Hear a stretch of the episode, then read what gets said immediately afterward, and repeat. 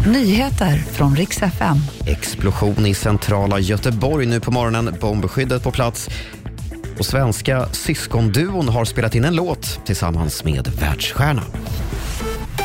God morgon. Vi ska börja i Göteborg där en explosion har inträffat nu på morgonen på Avenyn. Enligt polisen har det smält i en trappuppgång och bombskyddet har kallats till platsen och gatan har spärrats av. Det finns inga uppgifter om att någon person har kommit till skada. Så ska jag berätta att regeringen vill göra det olagligt att förolämpa offentliganställda. Ett nytt brott, förolämpning mot tjänsteman, ska utredas. Och tanken är att minska utsattheten för exempelvis socialsekreterare och poliser.